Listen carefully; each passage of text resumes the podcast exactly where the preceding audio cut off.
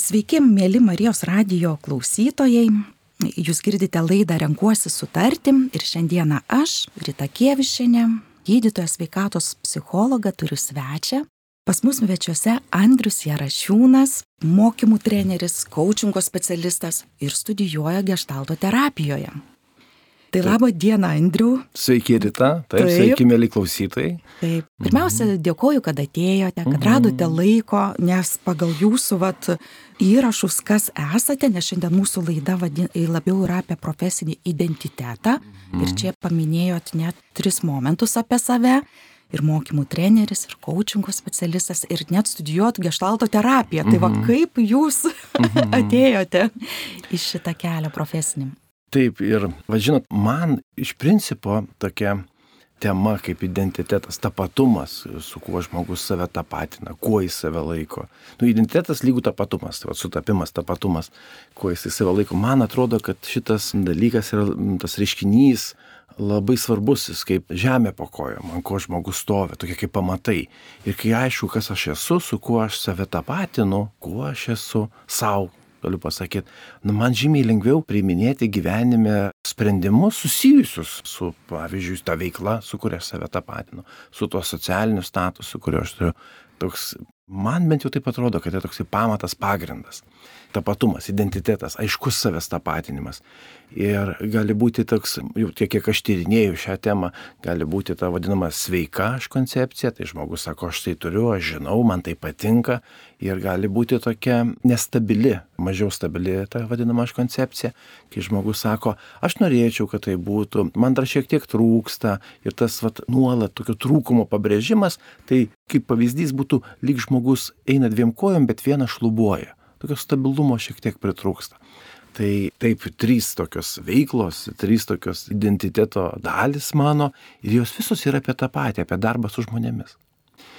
Ir aš taip galvoju, kad žmogus, kuris pasirenka tokią profesiją, tokią profesinę kryptį, pagalba žmonėms, bet kokia profesija, kuria pagalba žmonėms, na, jisai didelį kelią, ilgą didelį, gal netgi ir sunkų kelią nueina, kol jis iš pradžių save pažįsta, nes padėdamas kitam, tu vis tiek atsisuki veidrodį ir turi suprasti, kokios tau pagalbos reikia, kur tu kokius klausimus sprendi, su kuo tu turi susitikti, kokiu savim turi susitikti, kokį save turi priimti. Nes toks tai psichoterapeuto ar psichologo ar mokymo trenerio, bet kokios ryties konsultanto darbas ten, kur yra ne ekspertinis konsultantas, o tas o, konsultavimas, o procesinis konsultavimas, kai eina kalba apie žmogų, apie žmogaus būsenas, apie jo nuotaikas, apie jo pasirinkimus, na, sulaukia įvairių tokių klientų su įvairiais tokiais klausimais, reiškia, turi būti pats pasiruošęs bet kokiems scenarijams. Ir nežinai, koks klientas su kokiu klausimu įeis pro duris į tavo kabinetą. Tai mano akim žiūrint, pats tvirtai turi stovėti ant abiejų kojų, labai jau giliai ir stipriai pažinoti save savo tokį vat, identitetą. Jeigu kalbėt apie profesinį identitetą. Taip, taip. Ir aišku, apie, apie šiaip su kuo save žmonės tapatina, taip, asmeninį, mhm. asmenybinį. Kaip dabar yra, kaip žmogui atrasti, kas jis yra, nes kaip tik turėjau klientę, aš konsultuoju, tai buvo irgi vienas iš tokių problemų tapatybės klausimas ir jos bijojimas būti vienumoje tyloje. Ką sako nes turbūt čia labai daug ir visuomenė arba lūkesčiai kitų ten mhm. tėvų lūkesčiai mhm. visuomenės lūkesčiai kas tu gali būti kas tu turėtum būti mhm. bet pats viduje tu turbūt geriausiai jauti kas tu norėtum būti o gal kartais atvirkščiai sutrikęs esi tai va ta tyloje pabuvimas turbūt gal. Koks, koks geras momentas. Aš už kelių vietų noriu įsikabinti, tai pradėsiu nuo tos, kuri man labiausiai va, taip nuskambėjo. Koks tu turėtum būti, Tai kaip kaltė formuluojasi per tai, aš kažką padariau, už tai kaltė, gėda formuluojasi, aš kažkoks esu. Tai dabar jeigu kažkas kelia lūkesti, kad tu turėtum kažkoks būti ir tu netitinki to lūkesčio, tai reiškia, mes turim gėdą. Klausimas, vidinis abejojimas, toksai pavadinkim taip žmogui yra, ar aš esu pakankamas. Kai tik tai yra klausimas, kad aš nepakankamas arba savęs lyginimas su lūkesčiais išorės, tai reiškia nepakankamumo yra klausimas, vidinio nepakankamumo klausimas, Tai aišku, priveda prie gėdos jausmo. Tada žmogus ir apie tai ir kalbėti nenori, atsiverti nenori, jiems sunku būti, išbūti tą vienumoj, vienatvėj, su savo mintim, su savim, su savo pojūčiais, su savo jausmais, jausmais, emocijom, gal daugiau, su klausimais, kuriuos jisai sprendžia, tikrai nėra toks lengvas momentas, jis yra padiktuotas ne pačio žmogaus. Gėda yra aplinkos vertinimo baime. Tai jeigu daugiau nuskamba aplinkoj, koks tu turi būti, bet ne koks tu esi, pasidžiaug, priimk save tokį, koks tu esi, aišku, žmogus išmoksta. Išmoksta save matuoti, save lyginti, save vertinti su ta aplinkos lūkesčiais. Ne pats geriausias scenarius, netgi sakyčiau labai sunkus scenarius, nes vidinio resurso atsiremti į save neužtenka. Ir jeigu toks atvejis būtų, tektų dirbti su tokiu klientu, tai turbūt pradėčiau aš nuo tokio labai paprasto dalyko, kuo tu save laikai ir esi šimtų procentų tikras.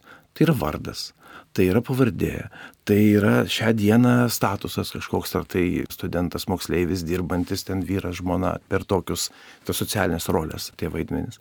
Tada galbūt hobis yra kažkoks, kad būtų galima nors už kažko užsikabinti ir žmogus galėtų pratesti sakinį, aš tai turiu ir man tai patinka. Pavyzdžiui, gal skaito knygas, kas nėra taip populiaru. Nu, iš tikrųjų tai populiaru yra, aš pats esu knygų fanas ir žmogus skaito knygas. Jis gali pasakyti apie save, aš apsiskaitęs. Plačiaja prasme gal ne, tada gal srity tam tikroje apsiskaitęs. Taip, ten gal mėgsta kokią nors grožinę literatūrą, gal jis kokį autorių labai mėgsta, turi mėgstamą autorių. Aš esu toks, kuris žinau to autoriaus darbus ir taip toliau, įsivaizduoju jo liniją, jo sužetus, kuris įveda, detektyvų koks mėgėjas ar ten roman, dar kažko tai tokio. Manau, kad galima, tikrai galima rasti, jeigu tik tai žmogus sako, man reikia pagalbos, aš noriu susivokti, daugiau ramybės turėti ramiau, stabiliau jaustis, tikrai galima, galima dirbti. Net ir tokiais atvejais, kaip sako, kiek psichologų reikia, kad įsukti elektros lemputę. Sako, užtektų ir vienos, svarbu, kad lemputė norėtų būti sukama. Vat noras žmogaus. Mhm. Taip. Ir noras, ar galbūt toksai suvokimas, kai tu esi pasimetęs, vis tiek tapatybė, kai tu ieškai, esi pasimetęs, taip, taip, esi sutrykęs. Taip. Mhm ir galbūt pastebėti, kas, kas tave palaiko, ką tau patinka. Va, krikščionybė yra sakoma, kad tie darbai, kuriuos darot, va, mažus kasdieninius dalykus ar įvykius ir pastebėt, kurie teikia paguodamą, ramybę, mhm, drąsą, mhm, meilę, mhm. bet yra matyti kažkokie tai dienos darbai, kurie teikia tą nepaguodavą, kažkokią sumaištį, nepasitenkinimą, liūdėsi, netikrumą kažkokį. Tai taip irgi per savęs stebėjimą tokį.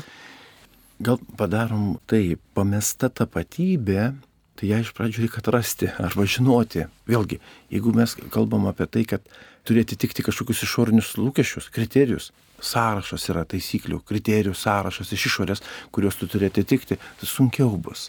Bent vieną iš tų kriterijų turėčiau aš pasimti savo ir sakyti, va, šiandien aš toks pavyzdžiui, nuotaika arba būsena. Turim penkią minutę, susirinkam darbe, turim penkią minutę. Ir kiekvienas su savo tos akimirkos tapatybė, kaip aš jaučiuosi čia ir dabar. Atėjau į darbą su tam tikra nuotaika, su kuo atėjau. Ir kuo nuoširdžiau, atviriau, lengviau žmogus apie tai kalba, lengviau, tuo nu didesnė tikimybė, kad jisai moka prisiderinti prie tų besikeičiančių tokių sąlygų. Tai vad pamesta tapatybė arba tos paieškos, prarasta pamesta ta tapatybė, tai turbūt sudėtinga adaptacija prie tokių sudėtingesnių klausimų arba nekasdienių klausimų. Tai kažkokių galbūt įgūdžių trūksta, kaip atitinkamą situaciją spręsti, kaip prisiderinti prie jų, pavadinkim taip, kaip nesutrikti, nepasimesti, klaidos baimę leisti savo, aš galiu klysti, aš nesu tobulas, Tai va, ir nėra ko iš savęs reikalauti, kad mes būtume tobuli. Taip geriau va, eiti per tą pusę, kad aš žinau, aš turiu, man tai patinka, va, aš turiu tam tikrą savybę, ta savybė man gali padėti tokioje ir tokioje, tokioje situacijoje, tokiuose kontekstuose, tokiuose aplinkybėse. Turbūt toks būtų ėjimas. Ir kaip mhm. minėjot, va tą besikeičiantį pasaulį ir aš galvoju, kiek mhm. dabar tas pasaulis yra greitai besikeičiantis, mhm. taip, ir kiek reikia adaptuotis ir tą psichologinį atsparumą stiprinti ir kiek gali sviruoti to ir to COVID kontekste, ir to karo gretimo iš vykstančio, kiek žmogui dabar daug reikia turbūt tų vidinių resursų. Taip taip. Vidinio. Žiūrėkit, mes gal taip tada padarom rytą. Vėl toksai momentas. Turim situaciją, iš tikrųjų, tie globalūs įvykiai, taip kaip vat, buvo pandemija, karas vyksta, tai yra vienas scenarius ir tie tokie irgi prie globalių aš tą įvykį pridėčiau, ta prasme, kad nu, pasaulis tą linkmę eina. Skubėjimas. Skubėjimas ir vartojimas koks tavo telefonas? Paskutinės laidos paskutinio modelio ar tu ten vėluoji?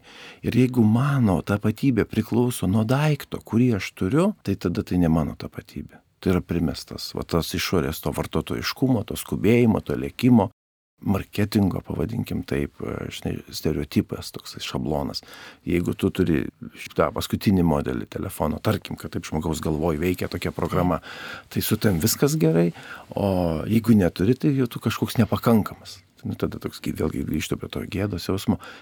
Aš manau, kad ne, nu, kiekvienam turbūt aišku, kuris daugiau tam skiria laiko ir dėmesio, nedaiktai tave daro stiprina tavo tapatybę, ne daiktai, tavo vidiniai pasirinkimai, vidiniai resursai, tavo vertybės, kuriomis tu vadovavęs, tavo veiksmai, kuriuos tu darai, tavo rezultatai, kuriuos tu pasieki, tavo santykis su savim, su kitais žmonėmis, kaip tu į save žiūri, žiūri veidrodį ir turi savo pretenzijų ir sakai, nu, tu toks, anoks, trečioks, arba žmogus ant savęs sako, pirmu asmeniu, aš ten storas, kreivas, ten nevykęs ir taip toliau.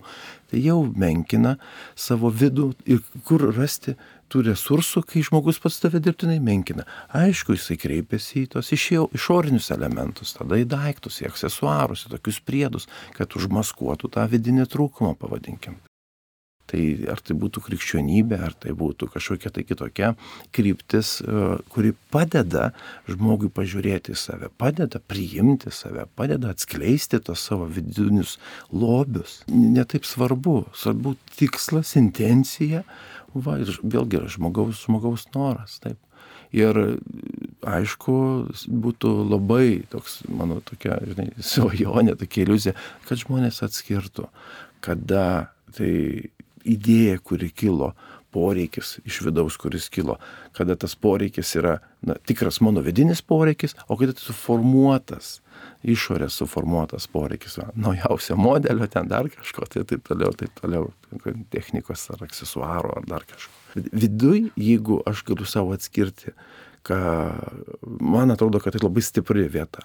Jeigu aš viduje galiu savo atskirti, ar tai tikrai mano noras, mano poreikis, mano troškimas, ar tai yra suformuotas arba formuojamas išorės, nu, rinkodaros ten tų priemonių, marketingo priemonių, tai yra labai, labai stipri vieta.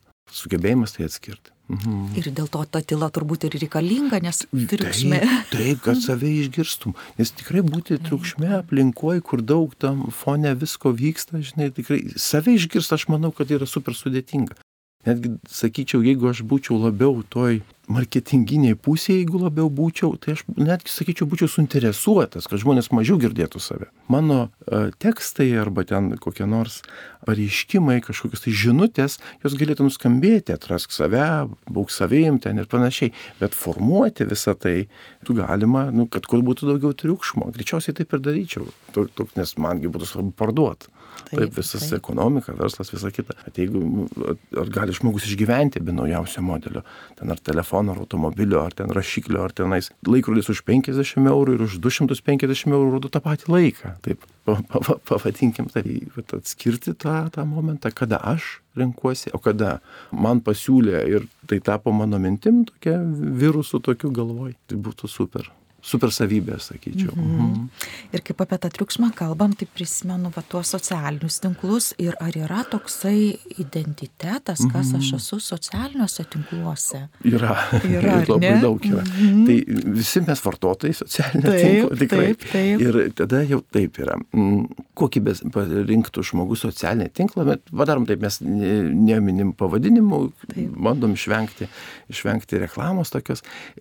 Kiekvienas socialinis tinklas, jisai turi savo kryptį tam tikrą, nu, kokiu tikslu jisai kurtas, kas ten turėtų būti, arba kaip žmonės turėtų tenais atsiskleisti. Kažkur labiau tekstai, kažkur labiau gal nuotraukos, arba video formatas kažkoks įdėtas. Ir tada, kuom tu esi, kuom tu nori būti matomas. Socialinis tinklas kaip fotografija viena, e, ar tenais fotografijų sesija. Tu gali tokį save parodyti, kokį norėtum save galbūt matyti, toks idealusis aš, kas yra į pretenziją savo, reikalavimas savo idealusis aš, kurį aš norėčiau, kad matytų kiti, taip, kad jie galvotų, kad aš toks esu. Jeigu gyvenu kitaip, negu tai yra mano socialiniam tinkle pateikta, toks įvaizdis, taip, tai vis tiek konfliktas. Ypač jeigu susitinku su tai žmonėm, kurie galvoja, kad aš esu būtent toks iš tikrųjų. Socialiniam tinklė, tarkim, ten gražios nuotraukos visada susišukavęs, visada tvarkingas, visa kita, tai jau dabar tiesiog šlepetė savinti, išnešti šiukšlės jau sudėtinga yra, nes tu visada toks. Taip. yra, yra vaidmenis tam tikrai, pavadinkim, taip yra vaidmenis, e, priklauso nuo to, tikslo, ko, kokiu tikslu žmogus turi socialinį tinklą, ką jis nori jame nuveikti, kaip jis nori jį išnaudoti tą savo kažkokiems tai tikslams ir tada taip formuojamas toksai įvaizdis socialiniam tinklė. Tikrai, tikrai yra. Taip, ir irgi turbūt priklauso nuo tavo to vidinio, ką aš noriu parodyti ten, ko nenoriu parodyti. Mhm. Vėlgi atsiriamėme tą savo vidų, į tą savo aiškumą, kas aš esu negaliu žinokit nei patvirtinti, nei paneigti e, šitos tezės. Manau, kad socialiniai tinklai mums duoti kaip e, visi nemokami, kaip žaislas, o jau už mus formuoja mūsų mhm. tapatybę. Tie, kas tą žaislą davė. Mhm. Taip, kažkodėl vieno socialinio tinklo tam tikras spalva yra, kito socialinio tinklo tam tikros ikonėlės yra, ten visokios detalytės. Manau, kad mes ateinam į smėlio dėžę, kurioje galioja savo taisyklės ir mes tik tai tų taisyklių ribose bandom kažkaip tai, na, išpildyti savo vaidmenį kažkokį tai, arba įsivaizduoti, kad mes galim kažką tai padaryti. Ir viskas, kaip ten sako marketingo specialistai. Jeigu tu gauni kažką nemokamai, reiškia prekė esi. Dėja kokia. Mhm, taip. Tai tas, va, tas tapatumas, ar jisai gali formuotis socialinių tinklų pagalba, negalėčiau pasakyti, reikėtų klausti įvaizdžio specialistų, pavadinkim taip, kurie dirba su socialiniais tinklais. Mano prielaida yra tokia. Ateidamas į socialinį tinklą gerai būtų, kad aš žinočiau, ko aš noriu iš jo. Tada aš galiu išlaikyti tą savo pasirinkimą, tą savo liniją, tą savo tapatybę, kurią aš noriu ten pateikti. Nes yra visko, tikrai yra visko, visokių skirtingų galimybių pasirodyti, pabūti, pateikti. Ir va taip. Tikrai taip, nes aš pati galvoju, ar ne, tos tinklus, nu ką įkeliu, įkeliu, kad ka, kažkur čia dirbu, kažką tą darau, bet neįkeliu ir daug dalykų, kad dar su mhm. vaikus turiu, nes kažkaip, na, liktai nesinori man jų į, į, mhm. įkelti, jų mhm. nuotraukų. Saugoti. Taip, o tai yra mano labai didelė svarbi nu, gyvenimo dalis, vaikai, šeima, tai čia kažkaip mhm. tarsi profiltrą selektyviai tą tapatybę taip, taip, tinkluose taip. Mhm. rodai ir ne visada pačią tikrąją. Aš taip mhm. sakyčiau, vat, jeigu vėl grįžti prie tos pamestos tapatybės, susigyvena žmogus, nu, tarkim, vat, kad pirmo asmeniu skambėtų, galbūt kokį klausytoją mes netgi stumtelėsim link tokio sprendimo pagalvoti, kam jam tas socialinis tinklas, jeigu kalbam apie socialinius tinklus. Nu, tarkim, aš formuoju trijų, tokių, tris savo uh, ir laikausi labai tvirtai trijų kokių nors socialinių vaidmenų. Kad aš esu va, mokymų treneris, kad aš esu tėvas, turiu sūnų ir kad aš, man patinka sportas sportuoju, bėgioju ir panašiai. Jis formuoju tik tai šitus tris portretus. Tai reiškia, tam socialiniam tinkle, sąmoningai, jeigu aš tai darau, matysis šitos trys ši, siužetinės linijos, vienaip arba kitaip. Tai visą kitą aš filtruosiu. Ir ką sutikę žmonės man sakys, o, tu daug sportuoji, arba va, tu to užsiemi, arba kaip tavo snus laikosi. Iš vienos pusės man smagu, bet apie ką ir kalba. Tai palauk, aš dar ir keliauju, aš dar ir knygas skaitau. Aš dar su žmonėm bendrauju, aš į teatrą vaikštau, kiną einu, ir daugiau tų spalvų. Ir koks pavojus, kad aš pats pradėsiu tikėti, kad mano gyvenimas tik tai tos trys dalis. Jeigu aš prisirišu prie to, prie to socialinio tinklo. Tai vad grįžtų prie to, kaip svarbu suprasti, kur ta riba, kai išorė diktuoja uh, madą ir kai aš pats priimu sprendimą. Tai jeigu pametu, pamirštu arba neprisimenu, kada buvau teatre, tai jau greičiausiai aš gyvenu tik tai tų trijų scenarijų pasirinkime, toks labai susiaurėja e, gyvenimas, tikrai labai. Tai socialinis tas tinklas, jis yra tinklas kažkur debesyje, negyvenime, realus gyvenimas visai kitas. Mažas lyrinis nukreipimas. Viena berniukų futbolo komanda, ten išvažiuoti į varžybas jie turėjo kažkur ir dabar taip gyvena žmonės, kad, nu, leidžia savo pavėluoti. tai laiku, kad kas nors ateitų, tai sudėtinga. Ir ten vienas penkias minutės, kitas dešimt minučių vėlavo, tai ne, nu, tie tėvai kaip atveža vaikus į susirinkimo vietą, taip. Ir ten vaikų pasiteisinimai labai įdomus. Nuo to, kad kojinių neradau, ten batų neradau, tikrai futbolo komanda, sūnus mano žaidė tuo metu toje komandoje, tai aš taip prisimenu tą istoriją. Ir ten ir sako, žiūrėkit, jeigu jūs išlipsit iš telefonų ir girdėsit, ką aš jums sakau, jūs ir suspėsit, sako, gyvena telefonė, sako, realybėj. Autobusas gali išvažiuoti, realybė ir lyja, ir sninga, ir šalta. Sako, žinau, kad realybėj yra visko, Sakau, kur kas kitaip, negu viskas vyksta telefone. Tai aš tokį pavyzdį mačiau, žinai, ir ten, mm -hmm. nežinau, ar tiem vaikam kas nors įkrito, tiem vaikinam, ar jiems užsiliko tas momentas, bet buvo akivaizdus pavyzdys, žinai, kad taip kažkur žmonės gyvena savo, o, net ne socialiniam, tokiam įdomiam, žinai, burbule ir jeigu pasakyta 10 valandą autobusas išvažiuoja, tai dar po 10.15 gali atvažiuoti kažkas, maždaug taigi, kad tu nepalauksi norėčiau pamatyt tokį žmogų suaugusį, kuris atvažiuotų vėluodamas į lėktuvą, į traukinį ir, žinai, sakytų, o, tu kaip jis manęs nepalaukė. Taip, aha. Tokia labai iškreipta realybė formuojasi. Taip, taip, mhm. bet tas gyvenimas toks, kad mes gyvename šalia tų tinklų, taip, taip, taip, taip. gyvename taip. O kas formuoja va tapatybę? Mhm. Taip, bet kokiu atveju, tai kas aš esu iš pradžio atsako į klausimą, vaikas augdamas savo artimiausioje aplinkoje ir matuoja jisai save vis tiek pagal, pagal tėvus, ką jisai mato, kaip elgesi, kaip jie bendrauja, kaip jis, taip laikom tokio, laikomės tokios idėjos, bet kurio vaiko gyvenime pirma moteris yra mama, pirmas vyras yra tėtis. Tai ir, ar tai būtų berniukas, ar tai būtų mergaitė, jis periminėja modelį atitinkamą, mąstymo, elgsenos modelį, vertybinį modelį, šeimos modelį, santykių modelį, jis periminėja. Vienai arba kitai periminėja. Na, mes mokomės visą gyvenimą kopijuodami kitų elgesį, pavyzdį kažkokį turėdami, galbūt, kai atsiranda toks didesnis samoningumas, kopijuojam priešingą elgesį, a, žinau kaip nesielgti, irgi mokymasis irgi ir toks modelis yra, ir ta tapatybė tai vis tiek šeima, artimiausia aplinka. Ir pavyzdžiui, pavadinkim taip, sprendimo prieimimą. Viena iš tapatybės dalių sudėtinių ne, žmogus priima sprendimą. Iki tam tikro amžiaus tai viską sprendžia už vaiką tėvai. Ką jam renktis, kokios ten sauskelnes uždėti, ką jam valgyti, jisai auga.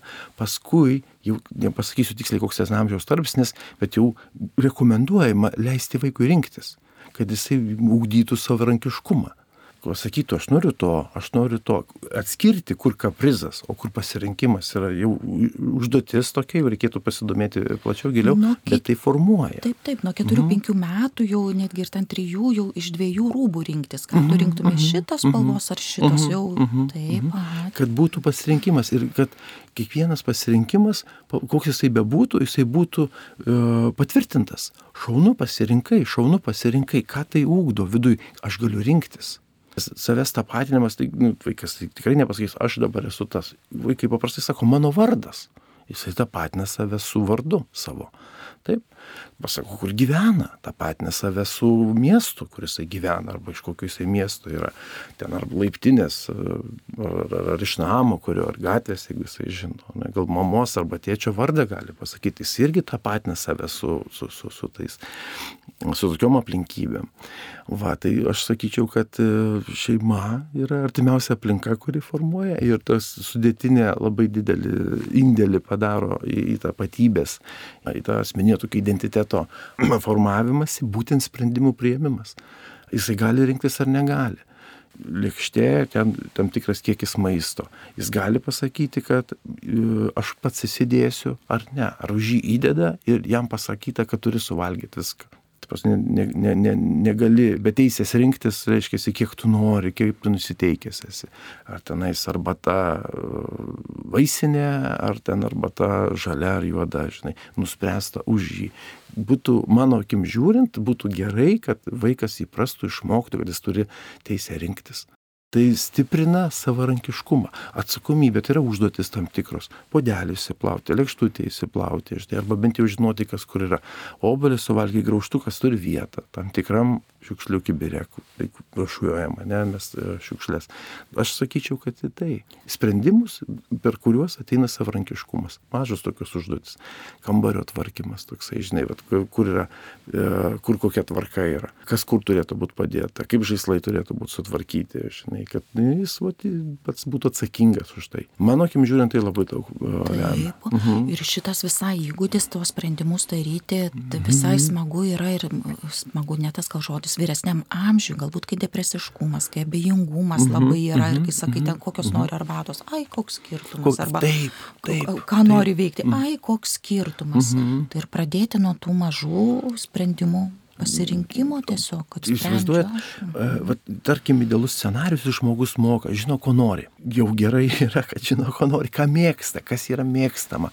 Akiratis, jeigu platesnis yra, daugiau knygų skaitė, ten filmus žiūrėjo, keliavo, su žmonėm bendravo, su skirtingais, e, skirtingom profesijom, pažindinasi, mes turim gegužės mėnesį, dabar abiturientai laikys egzaminus labai įdomu, mes nueitume bet kurią e, miesto mokyklą, gimnaziją, abiturientų paklaustume, kas žino, kuo norite būti, kas žino, kur stos, ką veiks artimiausią, artimiausią periodą po mokyklos baigimo. Įdomu, koks procentas pakeltų ranką ir sakytų, aš žinau, aš apsisprendęs iš vidaus. Apie 20 procentų yra manoma 11-12 klasiai mhm. žino, o 80 procentų nežino. Ir kenčia greičiausiai, ar ne dėl to, nes vėl spaudimas tėvų aplinkinių, kur stovi Taip, taip, taip, taip. Ir va, vėl mes turim tai kaip niekada nevėlo atrasti tapatybę, pavadinkim taip, ją suformuoti tą savo kažkokį tai identitetą. Viskas tinka, kaip, bandau išvengti tarptautinių žodžių, kaip susidraugauti su tuo visuomenės arba aplinkos spaudimu, su ta įtampa, tai irgi užduotis yra. Tai žmogui suprasti reikia, ne, kad jis pats priminės sprendimais, už save priminės sprendimą. Jis pasirinks, ką daryti. Ir netgi, jeigu, pavyzdžiui, renkasi nežinoti šią akimirką, tiesiog nežinau, neužtenka vidinių resursų, nėra tokios patirties, kuri galėtų, pas, kurią galėčiau aš atsiremti ir sakyti, žinau, ko noriu, žinau, ką veiksiu, tikrai nėra blogai, jeigu žmogus pasirenka, pavyzdžiui, praleisti metus. Taip vadinamas gap year, angliškai, lietuviškai būtų metų praleidimas toksai. Ta metus metus, nu, vaikinai gali kariuomenę eiti, tarnauti, gali dirbti kažką, tai gali pasirinkti, galbūt jeigu yra galimybės pakeliauti po pasaulį, save suprasti, kaip sako, savęs paieškos. Kodėlgi ne, pamatęs skirtingus kontekstus, skirtingas aplinkybės, reikia vis labiau ir labiau supranti, kokį tu norėtum. Tai idealiu scenarium tai tikrai yra smagu, kai žmogus sako, aš žinau, ko aš noriu. Yra praščiau, kai jisai tikrai sudėtingesnė situacija, kai žmogus sako, aš nežinau, ko aš noriu. Taip. Ir yra, kiek mhm. žinau, Erasmus programa, baigusiems vidurinę mokyklą, jie gali pasirinkti šalį, mhm. kurioje norėtų atlikti metų laiko tokią kaip uh mhm. -huh. praktiką pasirinkti e, sritį jiem įdomią ir yra mhm. finansuojama ir kiek, kiek, kiek, kiek žinau yra toksai. Taip. Tai aš dabar dar primenu, kad yra laida Renkuosi sutarti. Mhm. Mano svečias Andrius Jerašiūnas, mokymų treneris, coachingo specialistas, studijuoja gestalto terapijoje mhm. ir mes kalbame apie identitetą, apie tapatybę. Tai jeigu dar grįžtant prie tų abiturientų, kuris mhm. nežino, ką daryti, arba prie žmogaus, na, kuris mhm. Nežino, noriu mhm. keisti, nes vis tiek yra galbūt ir tokia 30-mečio žmogaus krizė, kai jis jau galvoja, ar tikrai čia mano, ar... ar mhm. Tai va, koks, nežinau, pirmas žingsnis, ar nuo ko pradėti, kad, nu, kas mhm. aš noriu būti, vat, nu, nežinau ką jam daryti. Nežinau. Nu, va, mokausi, gerai mhm. mokausi, e, patinka skaityti, patinka rašyti, patinka mhm. galbūt mokymus kažkokius ten tarp savo paauglių, draugų mhm. vesti. Kažkiek žinau, bet va, kokį noriu žengti žingsnį, nežinau. Tai, daryti, bet, bet koks sprendimas, kad tik tai nebūti užsidarius tarp keturių sienų, tai yra tinkamas, tai tikrai. Dabar tada padarom, pabandom šitaip. Paradoksali pokyčių teorija, Arnoldas Beiseris. Jie tokia istorija įdomi. Polimielitas buvo savo laiku nepagydoma lyga. Jis baigė, būdamas jaunas, 25 metų, tarkim, buvo pabaigęs medicinos studijas, susirgo poliomielitu, bet nei gydytojas, nei negydytojas. Nu, nėra ką. Poliomielitas, tai reiškia, ant lovos judėjimo gulėjo, negalėjo. judėjimo negalėjo, lovai gulėjo, paskui pa, pa, progresas buvo toks, kad jis galėjo būti vežimėlė. Ir jis iškėlė savo tokį klausimą, sako, aš profesiją, kurią turiu, tarkime, tai yra medicina studijavęs, ne, kryptis, tai yra specialybė medicina, ką aš galiu daryti kaip gydytojas, jeigu neužtenka operuoti, plus nepatogu, už tai, kad vežimėlėje, visa kita. Jis pasirinko psichiatriją. Ten, kur mažiausiai, ką galiu. Ko negaliu jau aišku, tada žiūriu, o ką galiu. Hmm, pasirinko psichiatrą ir tapo labai žymus, e, labai žymiu. JAV psichiatrų 70 metais parašytas jos straipsnis, paradoksali pokyčių teorija. Kalba eina apie tai, kad nesistengti tapti kažkuo, o pažiūrėti į save, kas esi dabar. O tas savęs prieimimo idėja išlaisvina žmogaus vidinius resursus, kurie tikrai yra. Jeigu žmogui yra 18-19 metų, jis jau turi kažkokią tai patirtį, jis jau kažką yra gyvenime sutikęs, matęs. Klausimas, kur tai yra paslėpta.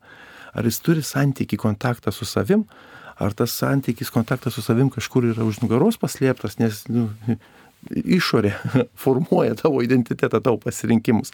Madinga būti e, nuomonės formuotoju, madinga, madinga turėti uh, naujausio modelio, ten, ar ten laikrodį, ar ten telefoną, ar ten dar kažką, tai o tau kas įdomu. Ar specialybė madinga? Arba taip. specialybė madinga, taip arba mama pasakė, tėtis pasakė, arba iš kartos į kartą tokia irgi susiliejimas, vadinamas, tokia viena iš krypčių, tokia susiliejimas. Senelis buvo teisininkas arba gydytojas, tėtis teisininkas arba gydytojas, nu tai ir sunus bus toks tai nėra blogai, gal taip yra pašaukimas, pavadinkim, taip gerai visi jaučiasi, ne, negali nieko pasakyti, bet nu, jau akivaizdu, kad iš skirties tokios atsiskirimo, separacijos, pavadinkim taip, nėra jau persiduoda vienas kitam, tarsi tokį rėmelį uždeda. Nespėjo vaikas pradėti vaikščioti, jau visi nusprendė, žinojo, kad jis bus gydytojas ir tada kūrė tokias sąlygas. Greičiausiai knygos tokios buvo, greičiausiai formavo taip. Nu, tokia mintis aš abejoju, kad vaikas gimė, iškart pakėlė ranką kalbėti nemokėdamas ir būsiu gydytojas. Būna galbūt išimčių, bet tai grįždamas prie tos paradoksalios pokyčių teorijos, man patinka tuo, kad rekomendacija yra į sustojimą ir pasakymą ne kaip aš norėčiau, kad būtų ir prisirišimą prie tos ateities, o prie pradžia yra, o kur aš esu kur aš esu, ką aš mėgstu, o kaip jūs ir vardinat rytą, ką aš mėgstu, kas man patinka, kur aš jaučiuosi gerai, e, kokios aplinkybės man yra primtinos, patinkamos. O įsivertinti tai, ką aš turiu. Nieko neturiu, nes tai kels įtampą. O ką aš turiu, ką man tai duoda. Ir tai aišku, kad reikia matuotis, į priekį žiūrėti, kur tai galiu perkelti, kokia nauja veikla arba kitokia veikla man nors truputėlį galėtų būti tinkama a, ir tas matavimas jisai vyksta, priimu ar nepriimu, kaip aš jaučiuosi tame žingsnė, tame veiksme. E, jūs paminėjote Erasmus programas, okei, okay, aš sakyčiau šalia savanorystė. Pasirink bet kokią savanorystės kryptį, jų tikrai yra dabar skirtingų organizacijų, pabūk truputėlį tarp skirtingų žmonių, skirtingų požiūrių, skirtingų interesų, vis tiek kažkas išriškės, vis tiek išriškės. O tokioj bendruomeniai tikrai yra palaikymas. Ne, nemanau, kad nors vienoje tokioje bendruomenėje yra kažkoks atstumimas arba smerkimas. Atvirkščiai yra prieimimas ir palaikymas, kad ačiū, kad atėjai, tu esi vertingas tuo, kad tu jau esi pats. Ir žmogus stiprina savo tą vidinį identitetą tokį, pasitikėjimą savim, jam tikrai žymiai lengviau suprasti, ko jis nori. Tik nu, padarom tokį e, prielaidą, kad e, ne, netaptų čia svajonių e, iliuzijų, iliuzijų tokių gyvenimo, jeigu matematikos mokykloje nesimokiai, ten lietuvių kalba, gimtoji kalba irgi silpnai, tai jau įstoti tam tikras uh, profesijas, netgi jeigu save atskleisi tame, jau bus sudėtinga, reikėjo mokyklai mokytis, žinai. Taip. Taip.